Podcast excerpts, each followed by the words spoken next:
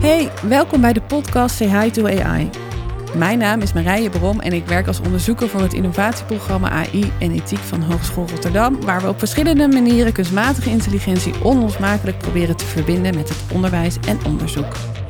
Omarm jij kunstmatige intelligentie als zorgprofessional of denk je bij het woord AI eh, wegrennen? AKA, ik ben een zorgverlener, geen techneut. Deze podcast is bedoeld voor docenten die studenten opleiden binnen het zorgdomein en nog niet zoveel afweten van AI. Zich bezighouden met het leveren van de beste zorg en nieuwsgierig zijn van hoe AI hierbij kan helpen. En ik zit hier uh, vanochtend met drie gasten, José, Tom en Mark. En uh, Mark, ik zou aan jou willen vragen van, kan je jezelf voorstellen? Nou ja, mijn naam is Mark Scheper. Ik ben de docent fysiotherapie aan de bachelor en de master van de Hogeschool Rotterdam. En daarnaast ben ik uh, postdoctoraal onderzoeker op het gebied van artificial intelligence en jongeren met chronische ziekten. En de onderzoeksleider van Data Supported Healthcare, waar we AI applicaties ontwikkelen voor de zorg. Ja, dat is een hele mond vol. En ik heb meteen een vraag voor jou. Wat is jouw eerste, toen jij in aanraking kwam met AI, wat, is jouw, wat was jouw eerste associatie met kunstmatige intelligentie? Gaaf. Okay. Dus misschien niet de standaard reactie die, die je van nature meekrijgt als zorgprofessional, omdat het natuurlijk wel redelijk ver van je bed ligt. Maar ja, ik was vooral geïnspireerd door het feit van wat je allemaal met AI zou kunnen doen. En ook dat het eigenlijk best makkelijk is. Oh, nou, dat is een mooie. Hou vast. Naast jou zit Tom. Tom Bakker, welkom. Kan je jezelf iets over jezelf vertellen? Ja, nou ja, Tom Bakker. Ik ben eh, specialist oudergeneeskunde en daarnaast lector op de Hogeschool Rotterdam. Op het gebied van functiebehoud voor ouderen in levensloopperspectief. Dus dat begint al voor de conceptie tot en met dat je oud bent.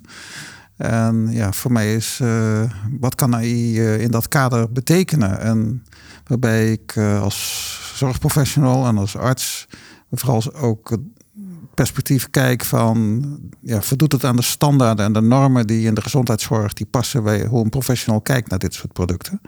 En kunnen we dan de potentie goed benutten die het heeft. Nou, mooi. Dankjewel. José. Ja, hallo. hallo. Mijn naam is José Ermers. Ik ben uh, regisseur zorgtechnologie voor het kenniscentrum Zorginnovatie van de Hogeschool Rotterdam. Heb te maken uh, met het project Zorgtech 010, waarbij allerlei instituten en opleidingen uh, meewerken aan uh, het verbinden van zorgtech in de opleidingen. En dus ook het innoveren uh, en uh, het ontwerpen van applicaties rondom zorgtech. En daar hoort AI ook bij. Ja, zeker. En ik zie vooral heel veel kansen voor zorg en voor het onderwijs om AI in te zetten. En um, Ga je nu ook vragen? Ja, zeker. Ik wil ook aan jou vragen. Wat was jouw eerste associatie toen je in aanraking kwam met uh, AI? Ja, misschien niet mijn eerste associatie met AI, maar ik heb wel een heel mooi voorbeeld. Want ik kom vanuit de zorg en um, uh, uh, ik zie hele mooie toepassingsmogelijkheden als het bijvoorbeeld gaat over mensen die uh, wel willen bewegen, maar waarvan heel vaak wordt gezegd: ga maar even zitten. Terwijl ik denk, ja, als je AI inzet, kun je mensen heel veel bewegingsvrijheid geven en toch uh, zorgen voor een veilige omgeving. Dus dat iemand kan bewegen uh, en tegelijkertijd veilig is. Ja, dus AI niet als vervanging, maar als hulpmiddel. Als heel erg interessant hulpmiddel. Ja. Nou jongens, mijn eerste vraag is eigenlijk van wat is de reden waarom wij deze podcast met elkaar opnemen, José? Ja, uh, nou de reden is natuurlijk omdat het uh, onderwerp AI uh, heel erg leeft en belangrijk is. en daarnaast vind ik het belangrijk om het niet alleen over AI te hebben, maar ook over de professional en over de young professional. Dus de mensen die we opleiden binnen de hogeschool. En dat het moet gaan over de vraag die de cliënt heeft. wat wil die eigenlijk?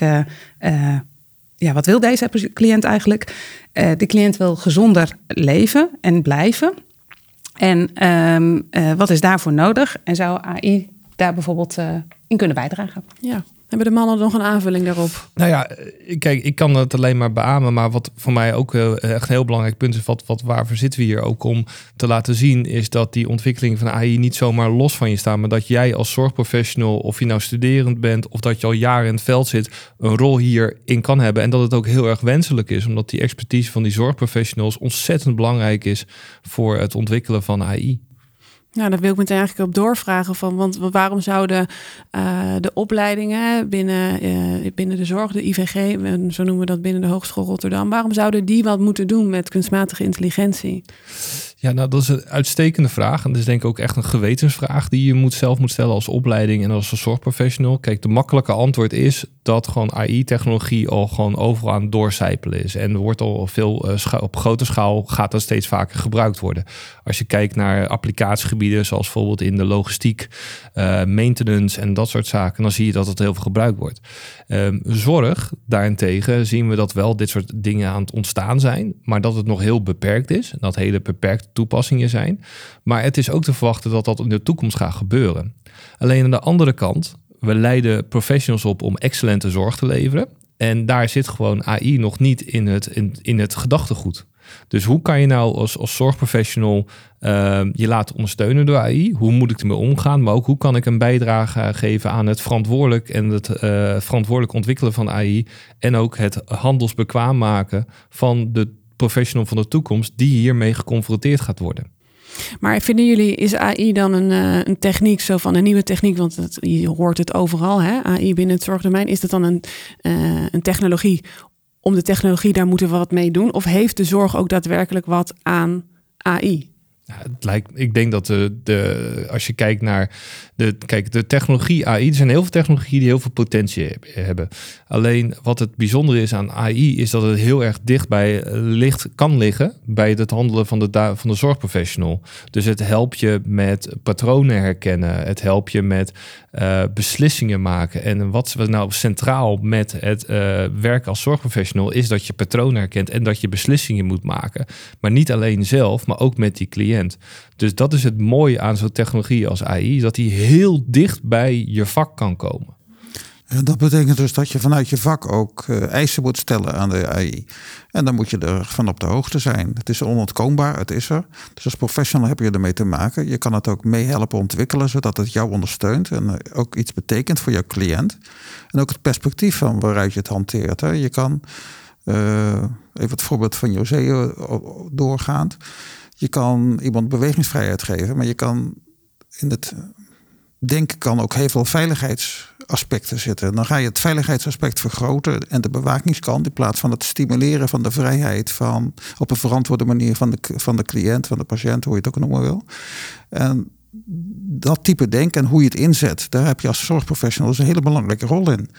En vanuit veiligheidsdenken hebben we vroeger mensen in stoelen vastgebonden, want dan gingen, ze, gingen ze niet vallen. Maar ze bleken eigenlijk daardoor juist extra kwetsbaar en meer fracturen op te lopen. Of zeker zoveel als met vrijheid. Dus hoe je het inzet, de, de randvoorwaarden daarvoor en ook het testen dat het deugt en dat je snapt wat er is. Ja, dat is onontkoombaar. Dus dat zullen docenten ook aan hun studenten moeten leren. Ja, ja. José, heb je daar nog iets op toe te voegen?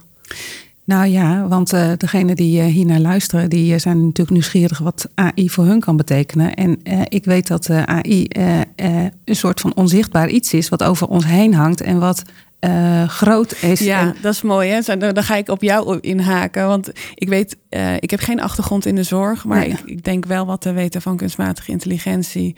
En met name ook, weet je, de implementatie en het vertalen daarvan. En ik merk, ik heb ontzettend veel gesprekken met docenten, niet alleen vanuit het zorgdomein, maar uit verschillende domeinen. En de eerste reactie bij kunstmatige intelligentie is toch die soort Terminator uit de jaren tachtig. Als een inderdaad een onzichtbaar iets die ons, de mens, gaat overnemen. Ja. Nou, en wat, en hoe je daar dus toe tot gaat verhouden. En dat dat dus angstig is. En uh, dat geeft ook vaak wel de houding mee van... oh, AI, daar wil ik niks mee te maken hebben. Dat is echt uh, wow. En ook heel complex en technisch.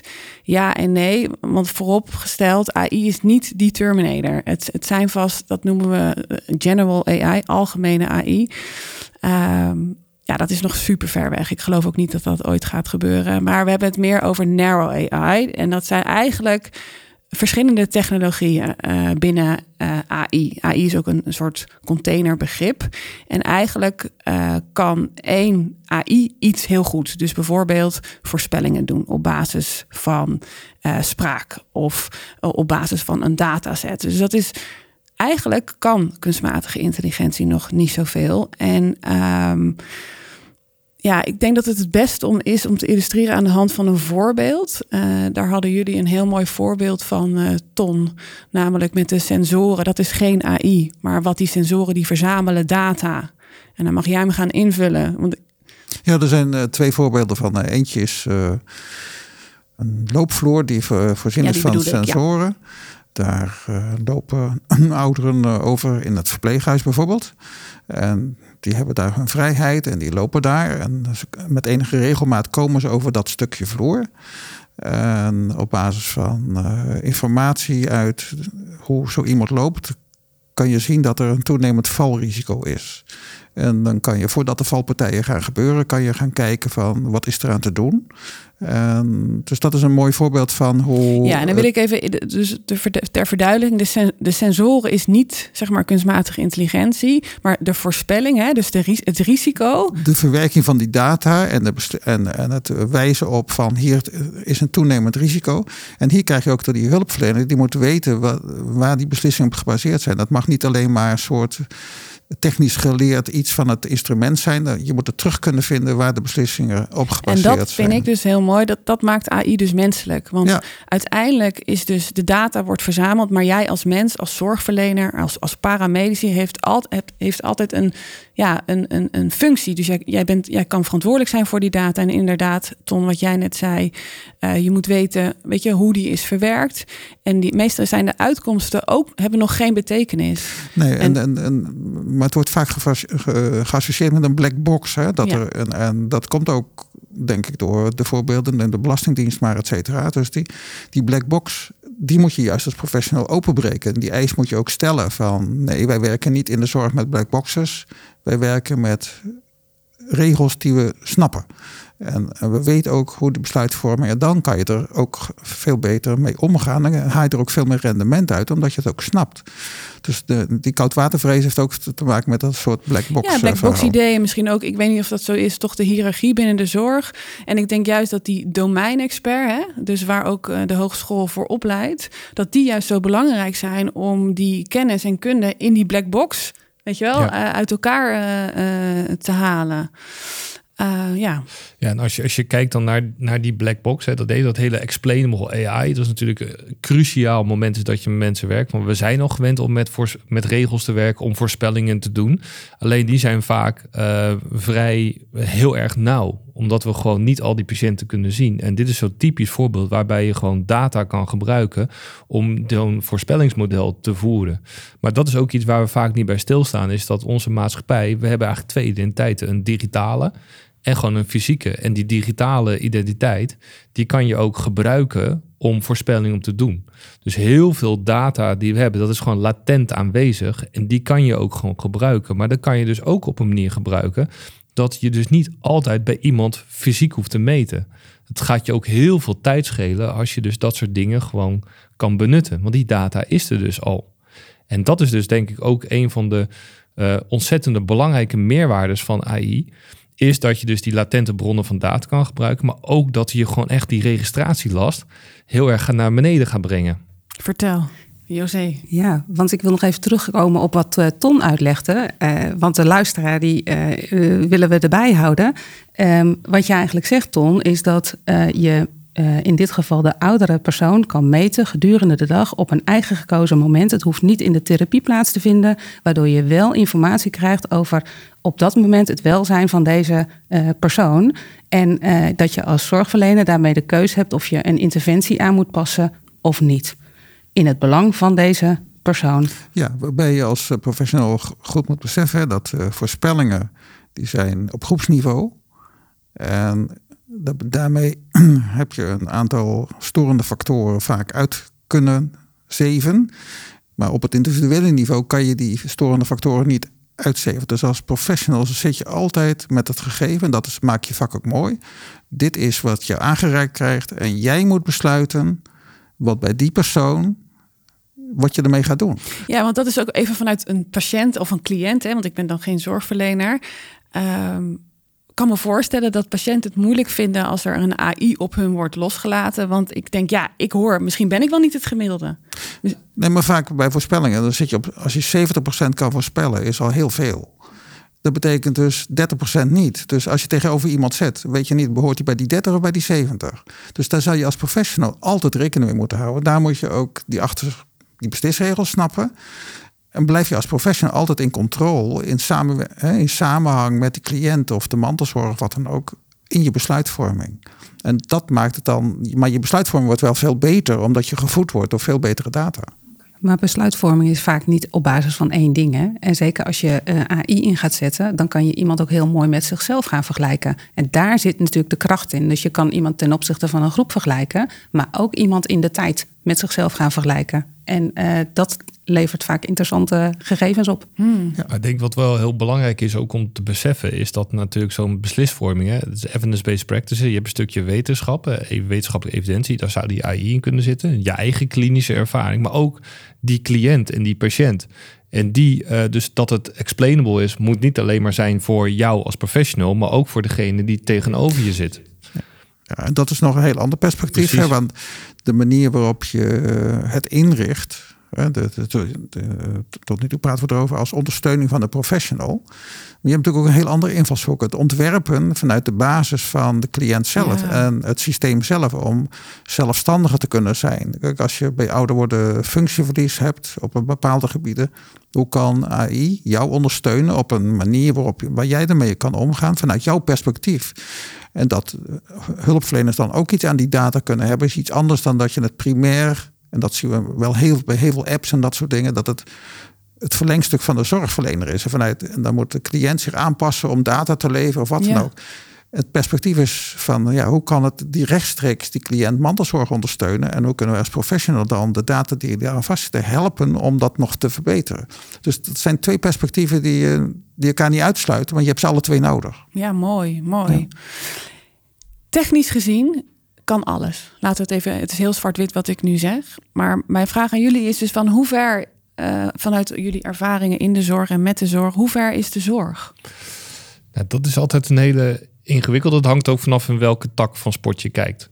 Dus als bijvoorbeeld kijkt naar mijn eigen met jongeren met chronische ziektes, dan uh, gebruiken wij uh, Fitbits. Hè. We gebruiken normale sensoren om te kijken van hey, kunnen we dan uh, voorspellingen doen. En als je bijvoorbeeld met jongeren spreekt, dan zijn ze al vrij willing om data te delen en dat soort zaken, omdat ze wat meer ermee opgevoed zijn en dat ja. soort dingen. Dus als je kijkt naar uh, mijn gebied, dan kan je wel grote stappen maken, omdat er ook een willingness is van de populatie. En ook de professionals die daarbij betrokken zijn, zijn soms wel terughoudender daarin. Waarom? Omdat ze ook niet met deze generatie zijn opgegroeid. Maar als je kijkt naar technologisch wat mogelijk is, ja, er is gigantisch veel mogelijk. Alleen als je kijkt alleen al naar bijvoorbeeld het elektronische patiëntendossier van uh, die we hebben, waar eigenlijk elke Nederlander heeft er eentje. Er zijn zoveel aanbieders en er is zoveel data die daar op dat gebied verzameld wordt.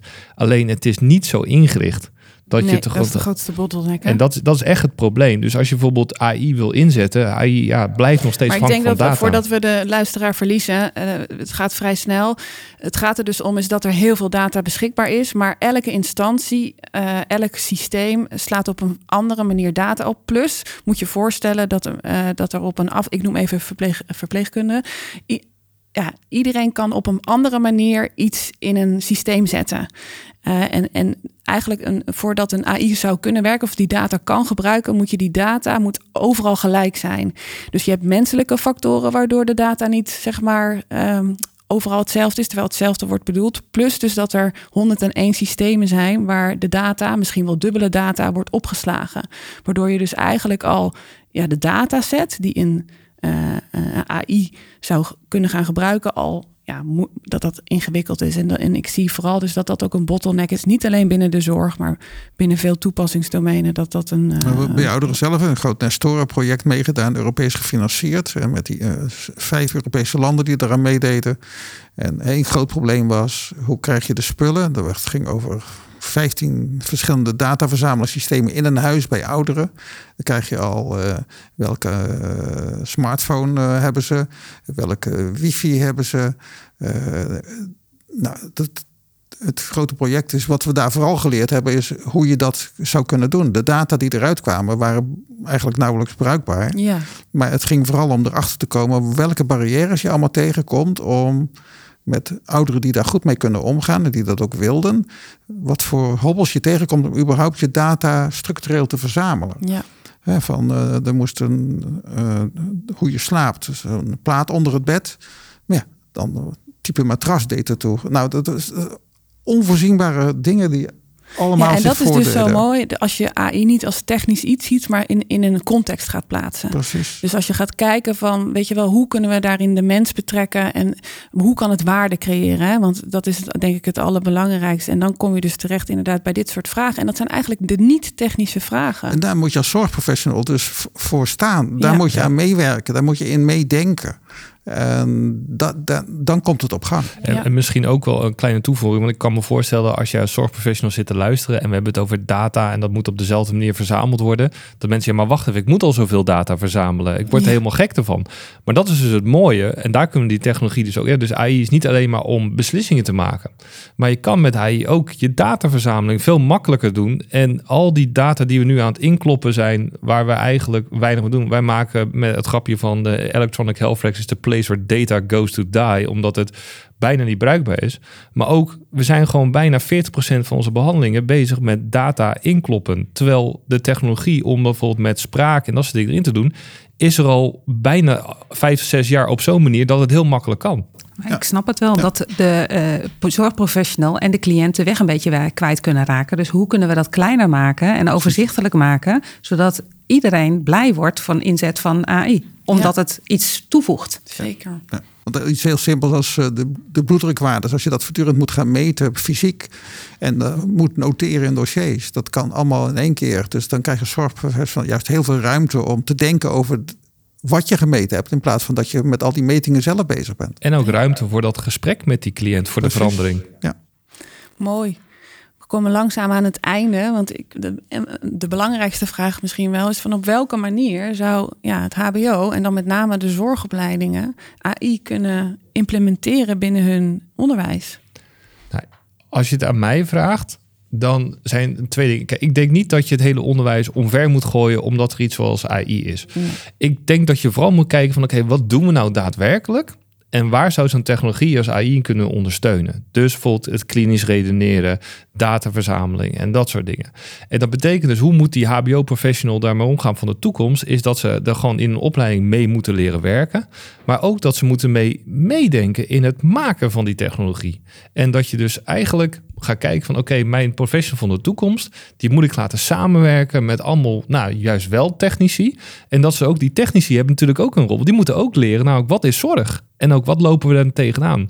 Dus hoe ga je dat implementeren? Het is vooral door te doen. En ook gewoon te kijken van, hey, wat voegt het toe? En een rol spelen in ontwikkeling. Want je kan alleen maar als zorgprofessional handelsbekwaam met AI worden als je ermee gewerkt hebt. Maar ook als je een diepgaande eh, kennis over krijgt door het gebruik ervan in een relevante context, zoals de zorg waar je in zit. Mooi. Tom.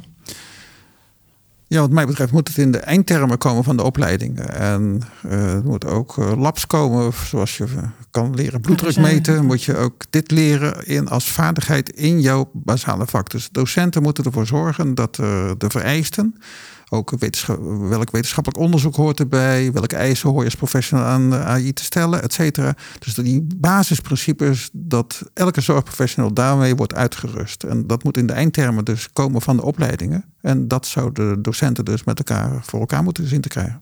Mooi. José, heb je nog een aanvulling? Nee, ik sluit me daarbij aan. Maak het klein, zoek naar mooie voorbeelden en leer van dingen die niet goed zijn gegaan. Want daar eh, kunnen we Ja, ook heel veel uit falen. Dat zou mijn Juist. toevoeging zijn algemeen. Is dat de opleidingen meer gaan doen om ja, dat falen. Ja, eh, integraal toepassen. Doen. Ja, en dat leidt dan tot waardevermeerdering voor de cliënt en de mandzorg. Want daar doen we het voor. Absoluut. Hey, als er nou één ding is wat mensen moeten onthouden van deze aflevering, eh, wat, wat zou dat zijn? Wie roept? Nou, wees niet bang voor AI en pak je rol. Beschrijf de, de normen eh, die in de opleiding thuis horen. Dan heb je jou vast en is het concreet. En kan je dat ook uitwerken in allerlei trainingssituaties en lesstof. José. Ja, eh, AI is een hulpmiddel, net zoals heel veel andere dingen. Eh, word er bekwaam in, ga ermee aan de slag en zet het in als het aansluit op de vraag van de cliënt. Hm, mooi. Dank jullie wel, jongens. Eh, leuk gesprek. Eh, luisteraar, bedankt voor het luisteren en eh, wellicht tot de volgende keer. Bedankt voor het luisteren. Wil jij meer weten over wat Hogeschool Rotterdam allemaal doet op het gebied van AI? Check de link in de beschrijving of stuur me een berichtje via LinkedIn. Hoi!